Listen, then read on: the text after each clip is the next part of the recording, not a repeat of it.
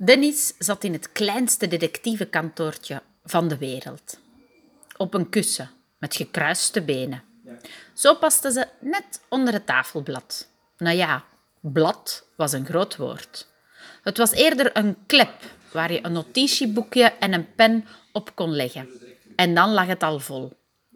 Boven de klep hing een plankje met studieboeken. Wat elke detectieve moet weten.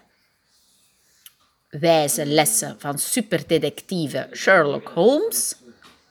Vingerafdrukken nemen.